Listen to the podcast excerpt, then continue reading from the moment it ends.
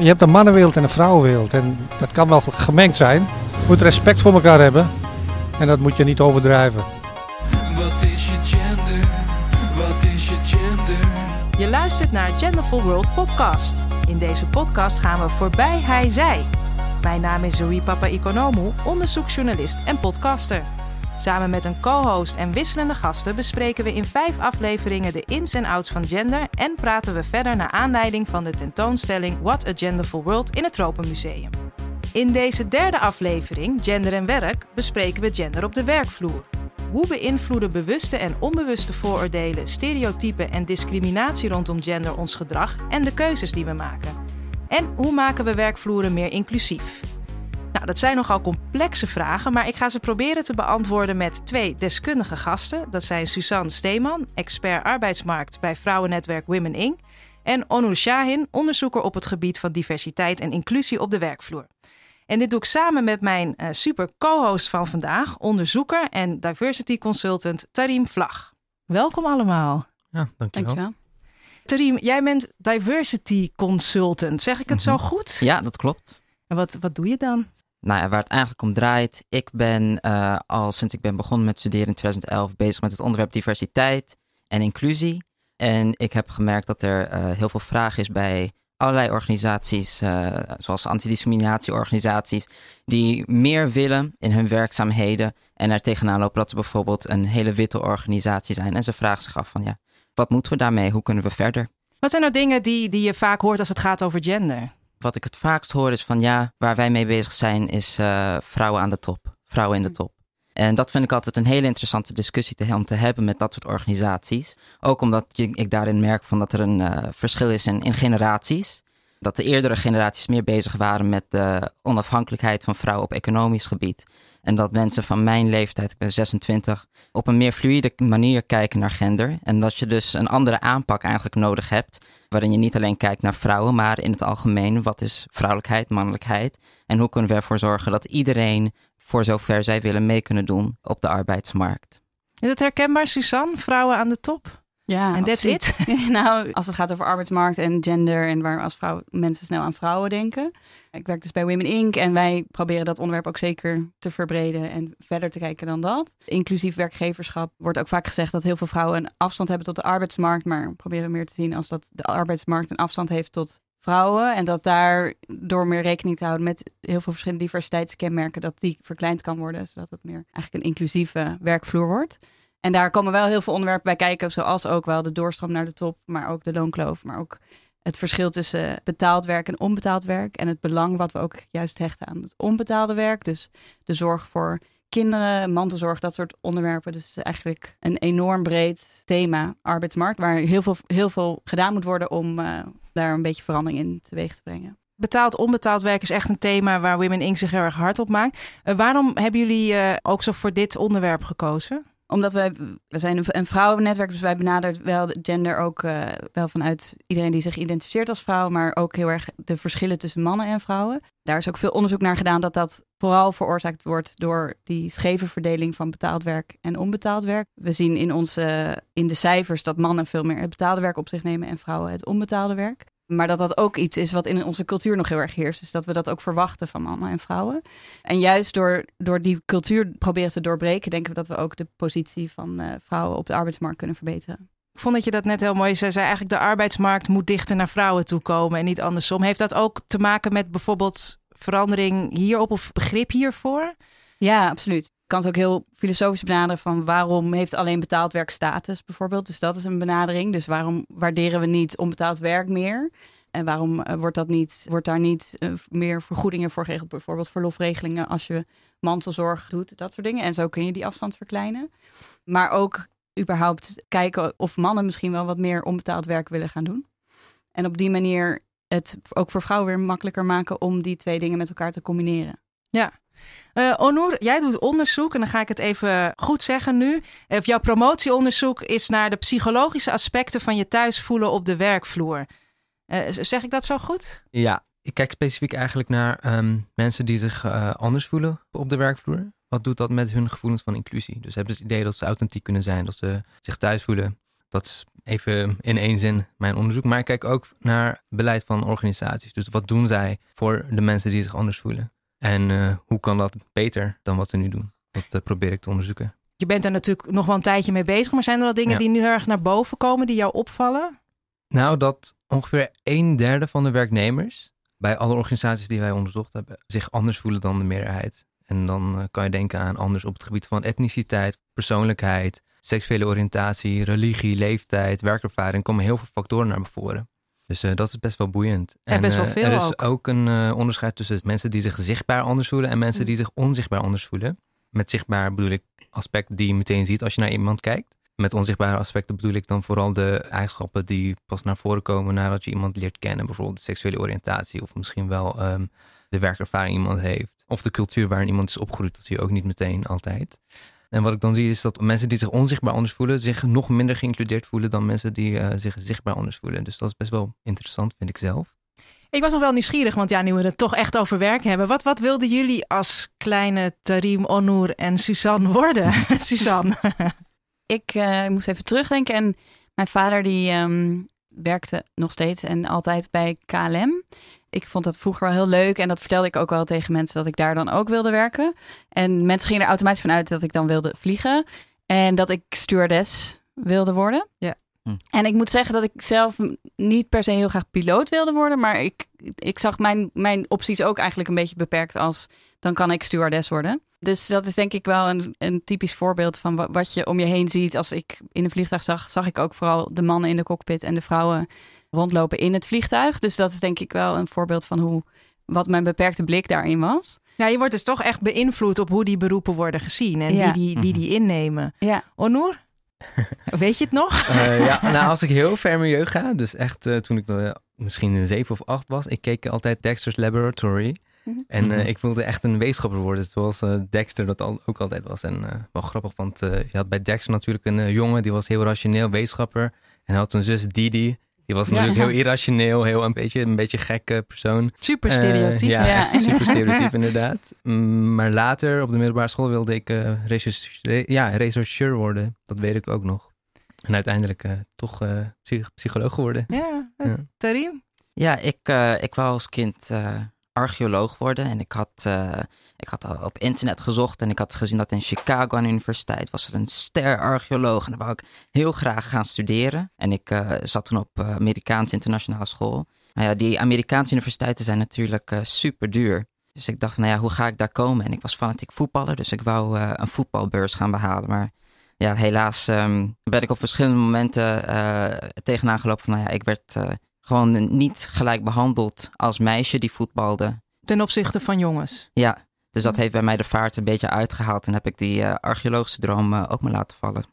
En toch interessant dat je hoort dat eigenlijk al zoveel, eh, dat het echt invloed heeft op de keuzes die je maakt in werk of waar je denkt wat wel of niet kan. Ik kan mezelf nog heel goed zelfs een kringgesprek op de basisschool herinneren waar iedereen moest zeggen wat hij wilde worden. En ik weet niet precies waarom. Het was misschien toch een beetje recalcitrant. Maar toen zeiden dus alle meisjes zeiden stewardess. Dat was echt heel stereotyp. En alle jongens iets van brandweerman of politieagent.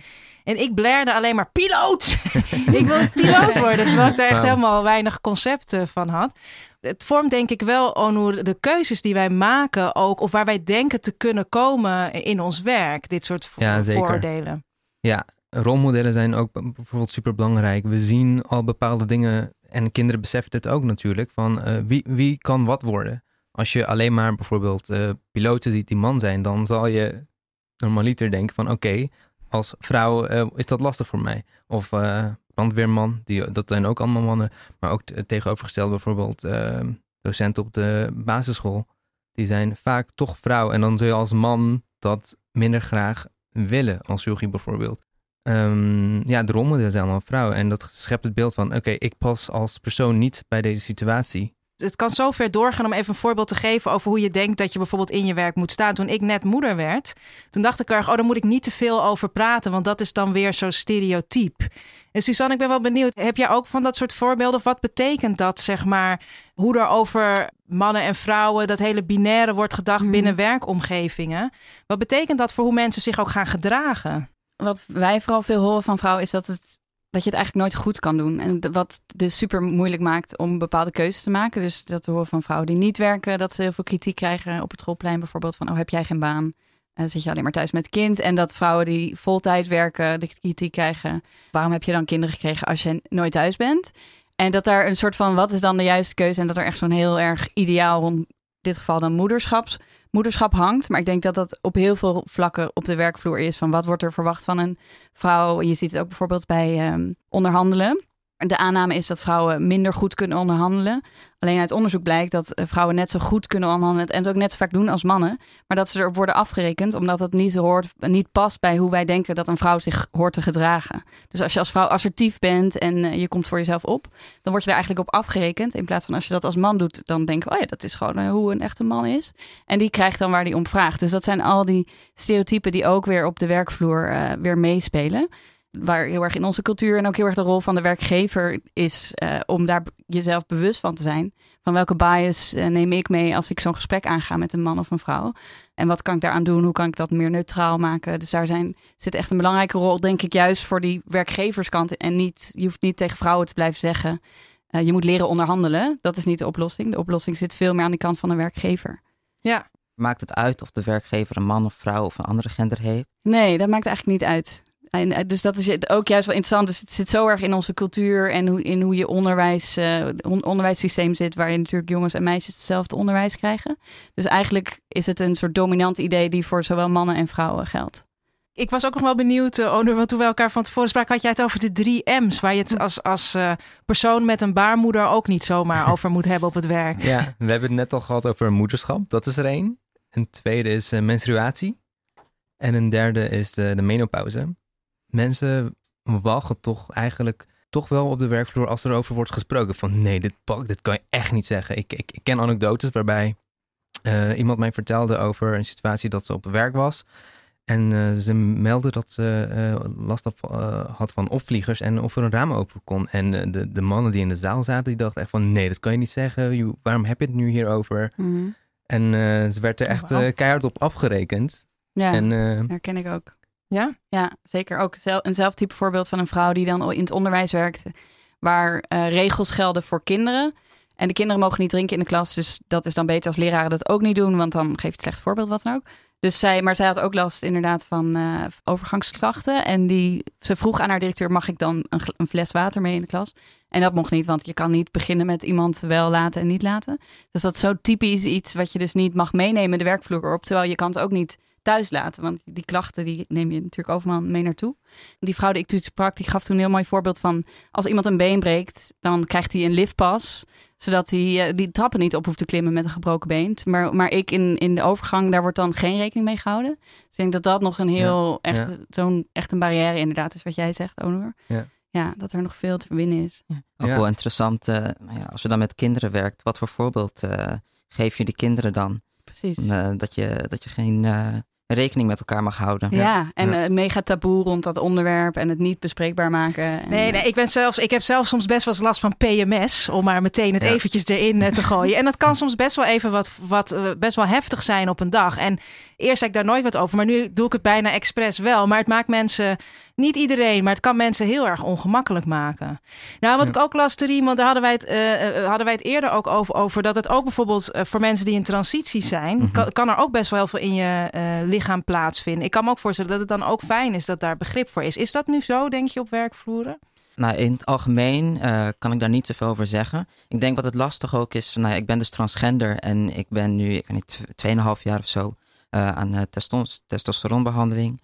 En nou ja, hoe het vaak omschreven wordt door transpersonen die testosteron nemen, is dat je tegelijkertijd in de puberteit zit, een tweede puberteit en een menopauze. Joy. Ehm, ja. ja. Maar weet je, als je, als je opgroeit en je leert over, nou ja, in de puberteit, dan gebeurt X, eh, Y, Z, gebeurt dan met je lichaam. En dan leer je herkennen van, oh, weet je, ik, ik voel me zo, ik gedraag me zo. Misschien heeft dat met mijn hormonen te maken. Maar hormonen, dat is iets heel ontastbaars. Het is soms moeilijk om te weten van, nou ja, waarom reageer ik op een bepaalde manier? Oh, een bepaalde hormooncyclus. Op de werkvloer, nou ja, ik kan alleen zeggen van, ja, praat erover met je werkgever. Probeer daar over open te zijn. Ik weet dat het wel erg moeilijk is, want het is ook erg persoonlijke informatie om te moeten delen met mensen. Ehm, maar ja, in het algemeen, ik, kan, ik, ik weet eigenlijk niet hoe in het algemeen werkgevers daarmee, eh, daarmee omgaan. Ik denk dat ik wel geluk heb gehad. Ja, ik denk Ja. wat wij eh, wel vaak zeggen en wat voor ons eigenlijk het probleem is op de werkvloer, is dat heel veel werkgevers bij, als ze denken aan de ideale werknemer of een goede werknemer, nog veel te vaak uitgaan van een eh, witte cisgender man zonder kinderen of in ieder geval zonder zorgtaken. En dat daar ook al het beleid wordt op, op afgestemd en dat dat is wat je hoopt dat iemand is. Alleen daar voldoen natuurlijk steeds, ja, daar doen heel veel mensen niet aan. Ook, dus ook dat de is- witte cisgender mannen precies, zelf precies. niet meer. Dat is Nee, gewoon nee, een stereotype nee, nee. ook. Waar je Ja. hoopt dat je dan eh, door één beleid hebt voor iedereen. eh, een soort van iedereen in dat hokje past. Maar dat is gewoon niet zo. En dan denk ik ook, ben ik met je eens dat het met elkaar in gesprek gaan. En juist op zoek gaan naar maatwerk en wat mensen nodig hebben. Dat dat Ja. een heel belangrijke oplossing is. Ja. Want ik denk niet dat je beleid voor ieder verschillende persoon kan maken. Maar juist we moeten gaan luisteren naar wat behoeften zijn van verschillende mensen. Ja, en waar ik ook nog wel nieuwsgierig naar ben, eh Onur, want jij vertrekt binnenkort naar Londen. Of nee, nou ik moet zeggen naar Exeter, geloof ik. ja, eh, klopt. om onderzoek te doen over intersectionaliteit. En ik wilde het daar graag toch over hebben, omdat Ja. het als we het over gender hebben, intersectionaliteit ook heel belangrijk is. Wat is intersectionaliteit? Ehm, intersectionaliteit is eigenlijk dat je kijkt naar eh, niet maar één dimensie of één identiteit, zoals alleen gender, maar dat je kijkt naar de interactie tussen verschillende identiteiten. Dus bijvoorbeeld gender en etniciteit. Maar je kan ook denken aan religie of eh, seksuele oriëntatie. En dan eh, is het niet eh, puur een optelsom altijd. Dus bijvoorbeeld dat een, een, een zwarte vrouw wordt ge- ge- gediscrimineerd omdat ze zwart is en en als minder competent wordt gezien omdat ze vrouw is. Maar het is eigenlijk naar, er komt een unieke combinatie uit. Dus een zwarte vrouw die weer eigen stereotype beelden heeft.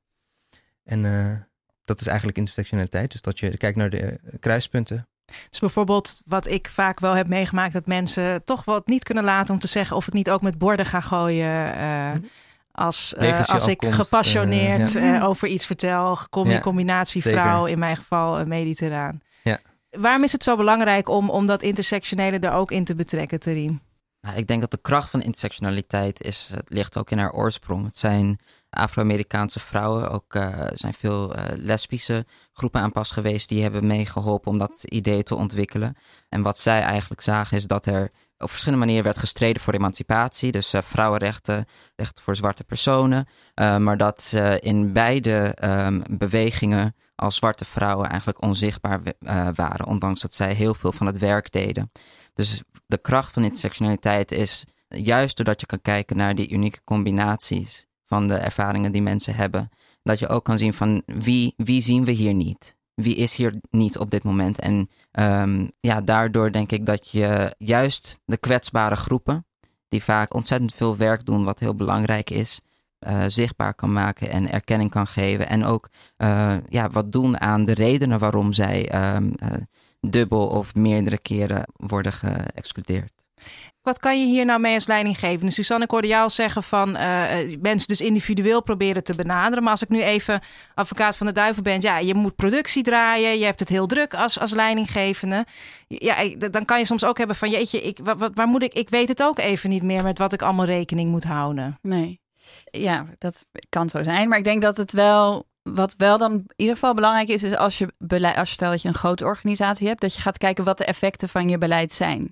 Ik ken een organisatie waar ze hebben gezegd: hey, we zien dat, eh, dat vrouwen niet, ge- niet goed- doorstromen naar hogere posities. Er stokt iets op de arbeids, op de mobiliteit van, eh, van vrouwen bij ons. Eh, laten we gaan instellen dat je ook thuis mag werken. Want dat, daar hebben veel vrouwen behoefte aan. En dat hebben ze dan ingesteld, dat is beleid geworden. En dan heb je het idee, nou, we hebben een oplossing gevonden. Alleen toen bleek in de praktijk dat vrouwen dat inderdaad gingen doen, dat mannen het niet gingen doen. En dat een eis voor managementposities bleef dat je zichtbaar moest zijn op de werkvloer. Dus dat je minimaal vijf dagen per week eigenlijk er moest zijn. En geen overleg kon missen en zo. Dus dat zijn denk ik wel, wel dingen die je dan misschien, als je niet met iedereen persoonlijk helemaal het maatwerk kan doen van wat is jouw specifieke behoefte. Dat je wel gaat kijken wat zijn de effecten. Hebben je het beleid wat je bedenkt, heeft, heeft dat de juiste effecten? En bereik je daarmee wat je eigenlijk probeert te bereiken? En ik denk dat dat wel gewoon bij goed werkgeverschap, dat dat niet te veel gevraagd kan zijn van een werkgever eigenlijk. En maar wat kunnen we dan toch, want ik weet dat vaak dat beleid zich heel moeilijk naar, zoals dat heet, het midden, middenmanagement laat vertalen. Dus ik toch gewoon de, de leidinggevende die daar weer on, die moet dat beleid uitvoeren. Dat kan je bedenken, maar die moet het dan vervolgens uitvoeren. Hoe doe je dat op, op teamniveau, op menselijk niveau? Ik, ga, ik zit nu heel erg strak Ja. naar Onnoes te kijken, maar het maakt mij niet uit. Nou, ik denk dat je ook moet kijken van eh, wat voor managers willen wij op de werkvloer. Ik denk dat er een beeld bestaat van, eh, nou, de manager zit aan het hoofd van de tafel en zegt even tegen iedereen wat ze moeten doen. Maar ehm, ik denk dat het belangrijk is dat we managers hebben die echt luisteren naar hun werknemers en openstaan voor feedback vanuit werknemers of eh, bepaalde signalen van, eh, we, we hebben hier behoefte aan. En ma- managers die dus goed kunnen communiceren en empathisch zijn. er komt dus, ook een hele andere generatie ook aan te riem. Mm. Dat is wat jij eigenlijk ook zegt. Die, die verwachten misschien ook andere dingen van managers, andere leiderschapsstijl. Ja, ik denk eh, wat ik inderdaad merk, ik doe wel eens workshops dus bij eh, organisaties die eh, antidiscriminatiewerk doen. En dan krijg ik ook vaak de vraag van managers van oké, intersectionaliteit leuk, maar wat kan ik er echt mee? Ehm, hoe breng ik dit in de praktijk? En wat ik dan zie is dat er vaak, ehm, dan is het een hele witte organisatie, maar dan hebben ze een kleine groep stagiaires die dan veelal jonge mensen van kleur zijn. En die hebben misschien niet de theoretische kennis over intersectionaliteit. Maar als ik met hun praat, dan blijkt dat zij voor veel van de problemen waar hun witte collega's tegenaan lopen, hebben zij eigenlijk al een oplossing. Om, alleen al omdat zij dichter op de doelgroepen staan die de organi- organisatie wil, eh, ja, quote-unquote, helpen of ondersteunen. Dus ik denk de kracht van intersectionaliteit is ook, eh, het gaat om ervaring, levenservaring. En dat je daarom niet alleen een intersectionele benadering moet hebben, maar ook ervoor moet zorgen dat je organisatie daadwerkelijk divers is. Uh, want het gaat erom dat je begrijpt, oké, hoe staan de genderverhoudingen? Dus niet dat je alleen gaat kijken van, oh, er zijn dit soort vrouwen en dat soort vrouwen, maar in het algemeen, hoe werkt gender in de Nederlandse samenleving of in mijn stad of in, in mijn buurt? Uh, hoe zit het met etniciteit? Wat voor groepen zijn er en hoe verhouden ze zich tot elkaar? Je moet die dingen echt gaan proberen te begrijpen. Dus het is niet alleen een theoretisch verhaal, maar het is echt uh, ja, een kijkje in, in jouw omgeving en uh, hoe steekt dat allemaal in elkaar? Wat is onze geschiedenis met elkaar? Ja, we gaan hier natuurlijk gewoon zo over doorpraten. Maar we gaan heel even een uitstapje maken uh, naar de markt. Want we gaan even kijken hoe gender in de markt ligt. En ja, figuurlijk en letterlijk wel te verstaan. Want onze verslaggever Vinnie Taylor belt elke aflevering op de Dappermarkt, de buurtmarkt van het Tropenmuseum, hoe gender in deze markt ligt. Ik ben heel benieuwd.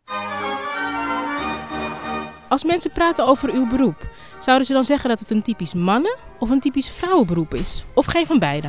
Voor mannen en vrouwen. En mag ik vragen wat u doet? Uh, ik werk in de horeca, hospitality business. In eerste instantie vrouwenberoep, denk ik. Uh, maar ik werk in de kleding, dus dat kan natuurlijk voor beide. Ja. Het kan allebei. Ik werk in de beveiliging, in dienst van de politie. En wat is de verhouding man-vrouw op de werkvloer bij u? Vier mannen, één vrouw misschien, ongeveer. U heeft nu een soort van uh, werkcultuur op de vloer. Zou die er anders uitzien als er evenveel mannen als vrouwen werkten? Ja, het zou toch wel iets anders zijn, ja. Wat zou het grootste verschil zijn dan? Ja, de, de sfeer is anders. De sfeer is anders. In een bedrijf is wel veel juristenwerk of zo. Uh, kom je aan een receptiebaal in aan. Zoals bij Nuon. Je loopt naar binnen en dat, ja, dat moet uh, representatief zijn. Moet er goed uitzien. Als je begrijpt wat ik bedoel. Nee, legt u eens uit. Als u bij Nuon iets zou moeten doen en u komt bij de receptie, u ziet een man, schrikt u dat dan af? Nee, dat, dat, dat niet. Maar uh, vrouwen benaderen mensen misschien ook uh, ietsje anders. Het komt anders over, denk ik. Wat, wat zachter. Wij hebben twee mannen in een, um, in een team van 50 werknemers. En dus je kan wel zeggen dat het een beetje een vrouwencultuur is. Het geëikte um, kippenhokje af en toe. maar bedoelt u dan meer kletsen? Bedoelt u dan roddelen? Bedoelt nee, u dan... ja, ik denk dat het gaat over uh, als er een probleem is, dat er vaak ook uh, hele uh, problemen van achter bij komen. Dus dat er al eerder iets is gebeurd waardoor ze nu zeggen: nee, dit, hier ben ik het niet mee eens. En hoe zou dan een, een gesprek over een conflict eruit zien als, u, als je het met mannen zou doen? Ook wat meer to the point. Wordt het probleem opgelost door naar de toekomst te kijken. En wij vrouwen willen wel eens wat vaker terugkijken. Hoe belangrijk is het om jezelf te kunnen zijn op je werk? Heel belangrijk, omdat je werk iets is waar je heel veel tijd spendeert. Ja, wie zijn wij om te zeggen dat een groot, met, hè, met een heel grote groep zeggen: dit is gewoon, dus dit moet je doen. Dus een, man hoort geen rok te dragen. Toen ik uh, twintig was, begon ik. Toen kwam er uh, een meneer naar mij toe en die vroeg, een beetje zachtjes: Mag ik u misschien iets vragen? Mag ik misschien een, een jurk? Dus ik vroeg automatisch: Oké, okay, welke maat heeft u vrouw of vriendin? Nee, het is uh, voor mezelf. En toen moest ik een beetje giebelen. En uh, wel heel erg leuk geholpen. En uh, daarna ook eerlijk gezegd een klein beetje aan het giebelen met mijn collega's. Achteraf, toen de man weg was? Ja, nu als het wordt gevraagd is het wel even schakelen. Oh, oké, eh, het is niet voor uw vrouw, het is voor uzelf. Wat leuk, we gaan ermee aan de slag. En daar wordt er achteraf niet gegiebeld. Dat gebeurt niet meer. Je hebt een mannenwereld en een vrouwenwereld. En dat kan wel gemengd zijn. Je moet respect voor elkaar hebben. En dat moet je niet overdrijven. Waar zit die grens dan? Ja, dat heeft met MeToo te maken, zeg maar. Te- tegenwoordig wat je, vrouwen die worden vaak eh, ja, op seksen beoordeeld natuurlijk. Ligt ook uh, hoe ze hun kleden natuurlijk. Maar Hoezo ligt het eraan hoe ze zich kleden? dat hoef ik niet uit te leggen. Eigenlijk wel, want in principe heeft het er toch niks mee te maken. Als ik een kort rokje aan heb of zo, dat is geen vrijbrief, toch?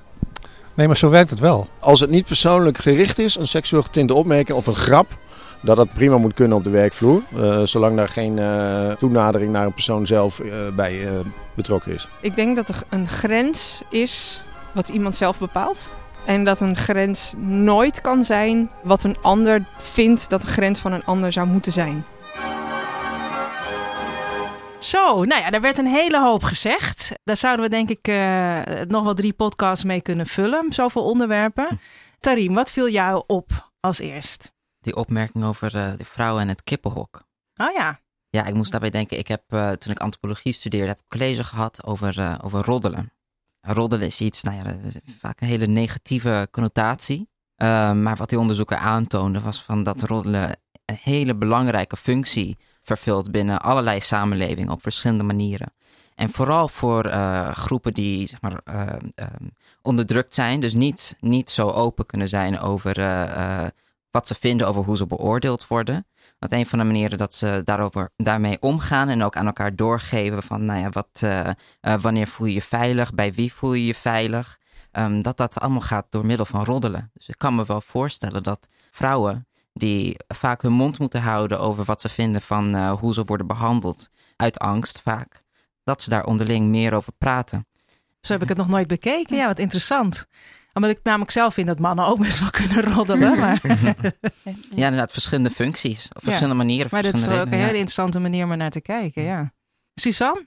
Ik vind het zo interessant hoe iemand die mevrouw van de kledingwinkel uitlegt van eigenlijk eh, moet iedereen gewoon zichzelf kunnen zijn. Wat super, super mooi is hoe ze dat uitlegt en eh, dat ze die eh, meneer ging helpen. Maar tegelijkertijd ook de stereotypen die ze daarvoor wel aanhaalt van maar vrouwen zijn nou eenmaal zo en mannen zijn nou eenmaal zo. Dus ook met het roddelen en kiphok. En dat dat toch elke keer weer een soort van manier is om de wereld te kunnen begrijpen of zo. Om toch die hokjes weer te gaan Ja. gebruiken. Ook al eigenlijk vind je dat iedereen gewoon zichzelf moet kunnen zijn. Maar toch heb je het idee, dit, zijn, dit is wat mannen zijn en dit is wat vrouwen zijn. En hoe hardnekkig dat dan eigenlijk is. En hoe belangrijk is dat we dat doorbreken. En ook dat vond ik heel mooi van de tentoonstelling in het Tropenmuseum. Hoe dat in de eerste zaal wordt heel erg laten zien. Goh, wat is eigenlijk mannelijk of vrouwelijk? Dat verschilt ook heel erg per cultuur. En het is zo divers eigenlijk. Maar toch beperkt het iemands blik gewoon heel erg.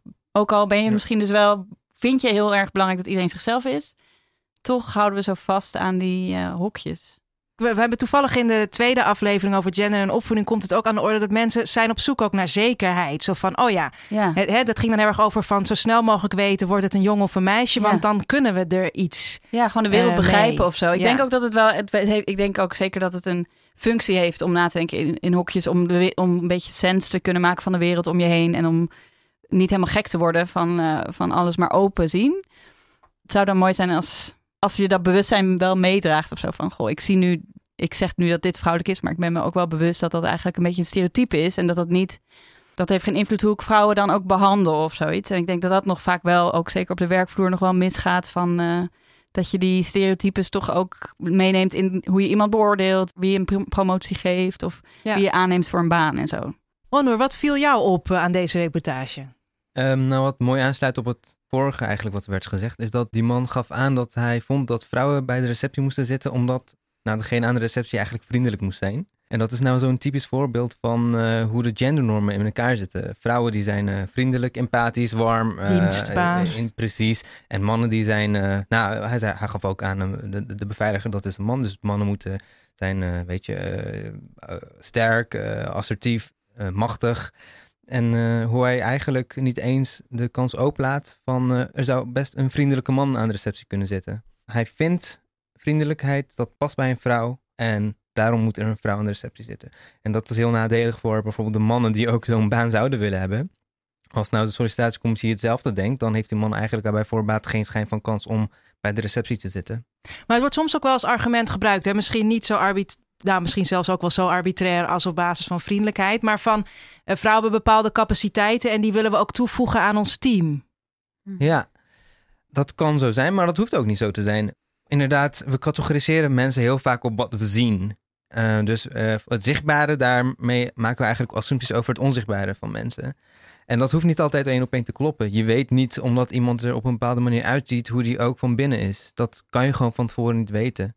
Er zijn Mm. inderdaad stereotype beelden, maar of die stereotype beelden kloppen, nou, heel vaak ook eigenlijk niet. Nee. nee, ik denk ook over dat wat, wat jij net zei van dat je juist die vrouwelijke eigenschappen, tussen aanhalingstekens, eh, Ja. eh, gaat zoeken in je, in je, in je bedrijf. Dat, dat snap ik. Dat is wel goed dat je diversiteit ook in eigenschappen wil vinden.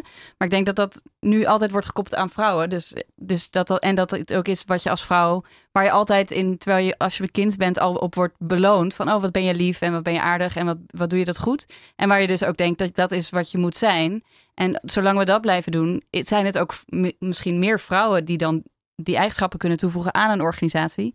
Terwijl mannen dat natuurlijk ook in zich hebben. Alleen die worden weer om andere dingen eh, gestimuleerd om dat te laten zien. Dus ik denk dat het heel goed is als bedrijf zeggen... we willen die ook divers in type mensen qua eigenschappen. Maar dat er nog een doorbraak te creëren is... is dat dat niet alleen maar aan vrouwen hangt of Nee, aan of mannen. van mannen. En dat wat Ja. ook dat vaak gebeurt, is dat eh, een bedrijf wil heel veel vrouwen aannemen, bijvoorbeeld in de top. En dat dan dan hele masculine vrouwen blijven te zijn, die niks Mm. toevoegen wat ze Mm. eigenlijk zoeken. Ja, ja. Dus eh, Ja. dan heeft dat eigenlijk niet het eh, resultaat wat beoogd wordt. Wat ik wel ook een heel eh, opvallend vond, was dat op een gegeven moment een meneer zei: Ja, nou, maar een seksueel getint grapje moet kunnen. En dat is wel mijn persoonlijke ervaring in Nederland op de werkvloer, is dat heel veel ismes of discriminatie, seksisme, racisme, op het moment dat het in de vorm van een grapje wordt gebracht, dan moet het allemaal kunnen. Ik zie jullie knikken. Herkennen jullie het ook, Onur? Ja, ja, ik hoor het wel vaker, maar ehm, de vraag is ehm, eigenlijk van wie vindt het allemaal grappig? Dus eh, vaak worden zulke grapjes wel gemaakt, maar er zijn ook heel vaak mensen bij die er echt absoluut niet om kunnen lachen. En die worden dan ook een beetje genegeerd en niet gehoord. Ja, er wordt gewoon geen rekening gehouden met mensen. Dus omdat degenen die de macht hebben het grappig vinden, kan het. Maar er moet dus een breder perspectief komen naar, oké, wie maakt de grapjes en eh, hoe komt het over op, op iedereen eigenlijk? En niet alleen maar op degenen die de macht hebben. En welke Ja, rol ja. heb je daarin als leidinggevende? Ehm, wat wij ook proberen te doen als we samenwerken met werkgevers en juist met mensen in leidinggevende of, eh, of eh, meer machtige posities, doen we bijvoorbeeld trainingen om mensen zich bewust te laten worden van hun unconscious bias. Dus van die onbewuste vooroordelen die iedereen heeft en die aan zich eh, niet zo gek zijn, want dat is gewoon ook door de cultuur waar je in groeit of de opvoeding die je hebt gehad. Maar als je daar niet bewust van hebt, je dus wel mensen eventueel kan uitsluiten of eh, geen rekening kan houden met dat sommige mensen jouw grapjes niet grappig vinden. En ik denk dat die bewustwording, dat dat dus de eerste stap is. En dat, dat, dat is wel een moeilijk proces, maar dat als dat gedragen wordt door een organisatie, als er bijvoorbeeld zo'n eh, zo'n masterclass wordt gedaan binnen een organisatie, helpt dat denk ik wel heel erg. En hoef je het niet bij een individu die misschien denkt, ik ben de enige die dit niet grappig vindt. Dat is best, kan ik me voorstellen, wel een moeilijke positie om daar vanuit eh, je uit te spreken. Maar als dat meer gedragen wordt door de organisatie breed, is dat denk ik, ik denk dat dat heel belangrijk is. Dat dat een eh, Is het- voorwaarde is. Is dit een heel specifiek Nederlands manier om, om racisme of seksisme te uiten in de vorm van, van humor? In mijn ervaring niet. Maar ik denk wel dat het een. een er, zijn wel, er zit wel een Nederlands tintje aan, denk ik. De directheid en ook dat. eh, ik denk dat Nederlanders houden graag van stabiliteit en regels. En dat de manier waarop grappen worden gemaakt, dat ook heel duidelijk wordt gecommuniceerd van. Ik maak hieruit eh, over wie er grappen eh, mogen worden gemaakt. En over mij eh, mag je dat zeker niet doen. Dat merk ik ook wel als ik een, een grap zou maken over, over witte mensen tegenover iemand die ik wel heb gehoord grappen maken over zwarte mensen, dan weet ik zeker dat ze van zichzelf vinden van oh, ik mag die grap maken, maar als ik die grap maak, dan is het helemaal, helemaal mis. En ik denk inderdaad ook dat, dat ehm, er een cultuur moet worden gecreëerd waarin je mensen aansprakelijk kan stellen van ja, dit, eh, dit gedrag tolereren wij niet. Dit is niet acceptabel. Punt. Ehm, en dat daarbij ook eh, ehm, de, de mensen, nou ik wil niet zeggen slachtoffer, maar de mensen wie het treft, dat zij ook worden betrokken van wat willen jullie graag dat er gaat gebeuren naar aanleiding van dit incident. Het is tijd om te gaan luisteren naar twee jeugdige buren van het Tropenmuseum. De negenjarige tweeling Kelvin en Melvin. Iedere keer bespreekt verslaggever Vinnie Taylor met hen een object uit de tentoonstelling What a Genderful World. Wat zien jullie hier? Twee worstelmannen. Twee worstelfiguren. Waaraan kun je zien dat het een, dat het een worstelaar is? Ja, ze zien er sterk uit. Je ziet een sekspik. Of bedoel je soms een sixpack? Ja, een sixpack zie je bij de worstelaars. Denk je dat er meer vrouwen of meer mannen, mannen worstelaars zijn? Mannen. Waarom dan? Meer mannen? Mannen meestal willen vechten. Zijn er ook beroepen waar er meer vrouwen zijn dan mannen? Of misschien eh, een beroep waar, waar meer mannen werken? Politie. Jongens willen altijd cool zijn. Ze willen stoer en sterk zijn. Dus ik denk, daarom willen ze met handboeien, pistolen en allemaal dat soort gevaarlijke dingen mee omgaan en vechten. Wat willen jullie zelf eigenlijk worden als je later groot bent? Ik denk profvoetballer. Kunnen meisjes ook profvoetballer worden? Ja, kan wel. Toch hebben we, toen de Oranje Leeuwinnen het heel goed deden, hoorden we ook geluiden dat zij eigenlijk heel veel minder betaald krijgen dan de mannen. Ik denk omdat ze alleen maar goede teams willen filmen. En daarom dat ze Oranje Leeuwinnen niet vaak worden gefilmd. Daarom krijgen ze minder betaald. Oké, maar, maar wat je dan dus eigenlijk zegt, is dat de Oranje Leeuwinnen of vrouwenvoetbal minder goed is dan mannenvoetbal. Klopt dat? Nee, dat, dat klopt niet. Vinden jullie dat niet raar dat, vrouwen, dat de voetbalvrouwen minder betaald krijgen dan de voetbalmannen? Ja, is wel, dat is wel een beetje raar, want je, je speelt op je topniveau en je doet je best. Maar dat is niet eerlijk dat, dat mannen meer betaald krijgen en, en vrouwen en wat minder. Want ieder, iedereen doet zijn best. En bij jullie op school, krijgen jullie les van een meester of van een juf? We hebben een meester die alleen woensdag um, uh, uh, ons les geeft en een juf die om uh, maandag, dinsdag, donderdag en vrijdag ons ja, les. Dus. Wie is er strenger, de juf of de meester? Juffen worden niet zo boos, ze hebben een zachte stem, dus als ze tegen je schreeuwen, dan voelt het niet alsof echt heel erg straf. En mijn meester is wel een beetje een harde stem, dus dan met, als ze die dan tegen je schreeuwt, dan denk je dat je echt een hele groot probleem zit. Sommige juffen willen niet altijd voetballen. Uh, maar meestal als ze gaan voetballen, dan zijn er de meeste van de meesten. Dus dan, dan misschien de meester met trainen. Ah, tegen de meester met de meester voetballen bedoel je? Ja. Stel dat jij ergens werkt en je werkt alleen maar met mannen. Zou het dan ook goed zijn om ook vrouwen daar te hebben? Ik vind het ook wat beter als er ook het vrouwen bij zijn. En waarom? Mannen willen veel grapjes maken en vrouwen zijn wat serieuzer. Oh nee, wat vond je van de jeugdige blik van Kelvin en Melvin? Ik vind het grappig dat ze zeiden dat uh, de vrouwen serieuzer werken en dat uh, mannen wat meer grapjes maken. Terwijl daarvoor in de reportage op de Tappermarkt uh, de mensen juist vertelden van nou ja, vrouwen die roddelen veel en mannen die zijn serieuzer, daar kan je sneller problemen mee oplossen. Ja. Dus dat dat het tegengestelde is eigenlijk van wat volwassenen zeggen. Het is allemaal omgedraaid. Ja, het is helemaal omgedraaid. ik, ja, ik vermoed dat het komt door, dat, door hun ervaring op school. Want ze komen natuurlijk niet heel veel vrouwen op de werkvloer tegen. Nee, Waarschijnlijk nee, alleen hun nee. juf en meesters. Maar ik vond het toch wel opvallend en leuk.